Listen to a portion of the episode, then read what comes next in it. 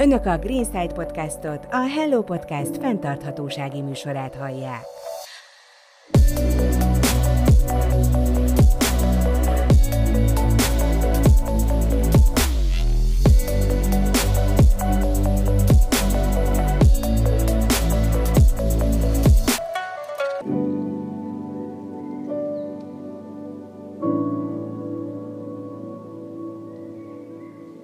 Üdvözlök minden hallgatót, önök a Greenside Extrát hallják, a Greenside Podcast rövidebb, de a megjelenésekor jóval aktuális a változatát. Én Wolf Krisztián vagyok, az önök házigazdája. Köszönjük, hogy csatlakoztak hozzánk erre a negyed órára. A mai adásunkban a húsvétról szólunk, de annak nem a vallási oldaláról, hanem arról, hogy hogyan ne nyomorítsunk meg és öljünk meg élő állatokat. Egyszerűen azáltal, hogy nem vesszük meg őket felelőtlenül, hanem jól átgondolt döntéssel fogadunk be házi kedvenceket a családba mert az utcára dobott alig egy kilós törpenyúlnak semmi esélye a túlérésre, de a rossz tartásban megnyomorodott házi kedvencünknek sincsen sokkal jobb élete, és mert ezek az állatok, ha elrontjuk, akkor már soha nem lesznek nem megnyomorodottak, és Jézussal ellentétben ők nem támadnak fel, ha megöljük őket. Mai vendégem telefonon a Nehoz felelőtlen döntést húsvétkor témában dr. Töltési Júlia, egzotikus szakállatorvos, a Taksonyi Tüskevár állatorvosi rendelőből. A rendelőről azt kell tudni, és ezért is kérdezem mai szakértő vendégemet, hogy úgynevezett nyuszis orvosok, vagyis is olyan rendelő, akiknek jelentős és aktuális tapasztalata van a törpe és házi nyulak gyógyításában és ellátásában. Köszöntöm a telefon másik végén, doktornő, jó napot kívánok! Jó napot kívánok, üdvözlöm a hallgatókat! A témánk pedig az, hogy közeledik húsvét, ez április 9-e, mert mint húsvét vasárnap, és április 10-e az húsvét hétfő. Ezek azok a napok, amikor néha emberek, illetve most már többnyire ajándékoznak egymásnak dolgokat, és ezek a dolgok néha sajnos élő állatok. És amiről beszélgetni akarunk, az az, hogy milyen hibákat tudunk elkövetni, hogyha úgy döntünk, hogy élő állatokat fogadunk be a családunkba, mik azok a buktatók, amik a leggyakrabban húsvét tájékán megtörténnek, és amikre nem számítunk általában, amikor ezt az élő állatot eredetileg kiválasztjuk, és amik általában törpe vagy normál méretű nyulak szoktak lenni. Ugye vannak ilyen buktatók, ebben nem tévedek nagyot. Nagyon sokszor találkozunk sajnos ezekkel a rendelőben is, illetve nagyon sokan vállalnak ilyenkor, ahogy ön is említette, hasonló állatkákat, és nem számolnak utána vele, hogy nyilván ő is ugyanolyan törődést, akár élethosszig tartó törődést igényel, egy folyamatos állatorvosi kontrollt, vakcinázást, illetve hát adódhatnak ugye időközben akár már fiatalabb korban is komoly betegségek, ami hát nyilván akár időenergia ráfordítást igényel, illetve mellett nem kevés anyagi ráfordítást is sajnos. Nem csak az állatorvosi részről nézzük, én megpróbálom beavatni, mint most már tapasztalt és gyakorlott nyúltartó a hallgatókat abban, hogy, hogy miről is van szó, ugye nekünk van itthon két törpenyulunk, és igazából senkit nem akarok lebeszélni arról, hogy törpenyulat fogadjon be a családjába, csak szeretnénk megmutatni, hogy milyen költségekkel jár ez, és hogy milyen buktatókkal. Ez a két nyúlhoz tartozik egy kinti és egy benti ketrec, mindegyik ketrec nagyobb hosszúságú, mint 100 cm, tehát egy méter, az egyik egy 20-as, a másik egy kicsit kisebb, és nem tartjuk bezárva a nyulakat. Ugye a ketrec az eleve egy hihetetlen mértékű anyagi ráfordítást igényel, 20 és 50 ezer forinttól egészen a csillagosegig találunk kint és benti nyúlketreceket, bármi azt gondoljuk, hogy a nyulak általában bent tartandók. Tudni kell, hogy a nyulak azok nagyon gyakran szembesülnek azzal, hogy túl meleg van a lakásban, ilyenkor hajlamosak a hőgutára. Lehet, hogy egy légkondicionáló berendezés is kell a nyúl mellé, de itató és alomtálca és etetőtál, ezek a szokásos állathoz tartozó dolgok, ezek mindenféleképpen, amik úgy szintén tízezesekkel növelik meg a nyúltartásnak a költségeit. És akkor ugye itt van a táp, amit meg kell venni, és a széna, mert a nyúl nagy részt szénát teszik. Ezt ugye el szokták téveszteni. Ugye jól tudom, hogy nagyon gyakran adnak neki zöldséget, meg gyümölcsöt,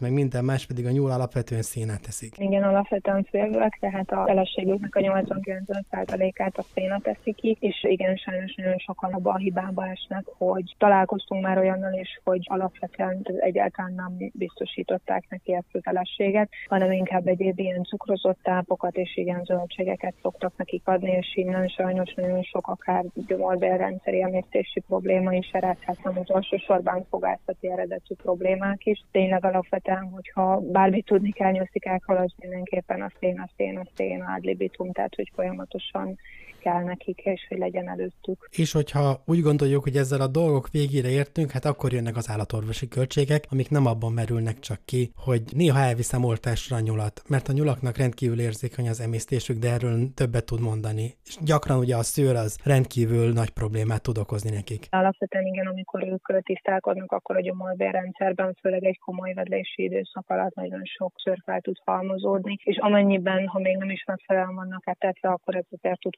párosulni egy komoly, akár bérálzáródási problémával is. Tényleg folyamatosan felügyelni kell őket minden nap, milyen a kedvük, folyamatosan vannak-e bogyók, nem a fájlalják a puszaszjukat. Egy komoly vedlési időszak alatt többféle, akár szőroldó pasztát vagy tablettát is szükséges nekik adagolni kell egy folyamatos fésülgetés, hogy az éppen levedlendő bunda szépen el tudjon távozni. Úgyhogy igen, nagyon nagy megfigyelést igényelnek ebben az időszakban, úgy általánosságban is. Kell egy folyamatos súlymérés is, tehát az is náluk, mint egzotikus állatkáknál, főleg egy törpenyőszinál, ahol ugye ilyen egy-két kilogrammos nagyságrendekről beszélünk, ott azért, hogyha nyuszika egy rövidebb időtáv alatt akár ilyen 50-100 grammot fogy, akkor már az is egy jelentős problémára utalhat. Ugye a nyulakkal végzett napi teendők nem merülnek ki nálunk abban például, hogy enni adunk nekik, vagy inni adunk nekik, vagy kitakarítjuk a, az alomtárcájukat, vagy a ketrecüket. Mi gyakran naponta fésüljük ezeket az állatokat, és ezt igénylik is, ezt a napi fésülést éppen a ször problémából. Vajon ezt mi túl gyakran csináljuk, vagy elmondhatjuk, hogy igen, a nyuszi az egy napi törődést igénylő állat, főleg vedlési időszakban? Ez így van, teljesen jogos és igaz. Vannak egyéb betegségei a nyulaknak, amiket nem gondolunk át, hogy megtörténhetnek, de mégis iszonyatosan nagy költséget szabhatnak ránk, például a talpfekétől kezdve, a fogak furcsa vagy rendellenes növésén keresztül. Általában a talpfekélyesség is lehet nyilván egy ilyen egyedi érzékenység is erre, tehát például pont ugye a rexnisztikáknál sajnos egy állandó állapot is tud lenni, de nyilván, hogyha ez egy enyhe bőrgyulladásban kimerül, akkor kezelhető. Azért, hogyha komolyabb talpfekély alakul ki, ez eredhet nyilván a nem megfelelő tartás, takarításból is, abból, hogy idősödik az állatka, nem mozog annyit, többet ül esetleg akár pisik akiban, és akár egyébként belgyógyászati problémáknak a velejárója is lehet, például akár egy ilyen húgykövesség, vagy húgyúti elzáródás, ledékfelhalmozódás is tud párosulni egyébként egy ilyen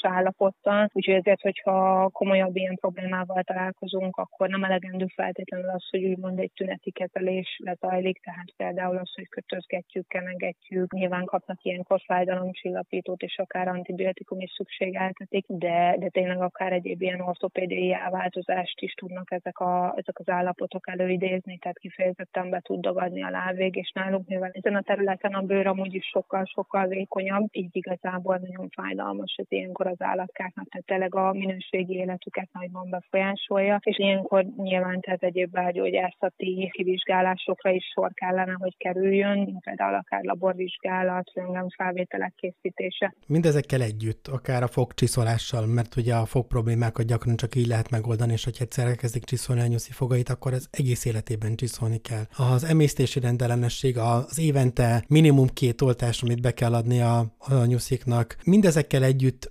elmondhatjuk, hogy ez egy költséges hobbi, hogy valaki nyulat tartson, és ez egy olyan foglalkozást igénylő hobbi, ami nem biztos, hogy egy gyereknek, vagy egy nagyon kis gyereknek való, és ami jelentősen más, mint mondjuk egy kutyát vagy egy macskát tartani? Igen, igen, alapvetően ez onnan is ered, hogy ugye nyuszikák ők prédállatok, szóval azért a kifejezett akár hanghatásokat és egyéb más behatásokat nem viselik olyan jól, és pont ezért, mivel egy ilyen napi odafigyelést igényelnek, itt azért mindig kell egy felnőttnek az utókövetése, tehát nem, nem elegendő az, hogy a gyerkőcre bízzuk, és akkor úgymond azzal nyugtatjuk magunkat, hogy akkor ő eteti minden nap és foglalkozik vele, tehát tényleg így az elmondottak alapján mindenképpen kell az, hogy legyen ott egy folyamatos felügyelet, hogyha bár olyan komoly probléma van, akkor közbe lehessen lépni. Igen, csak nagy örömmel mondhatom el, hogy a Tüskever állatorvosi rendelőtaksonyban nem csak egy állatorvosi rendelő, hanem kapcsolódik hozzá egy olyan alapítvány is, ami főleg vadállatokat ment. De volt-e már példa arra, hogy valaki egy ilyen megunt nyulat, vagy egy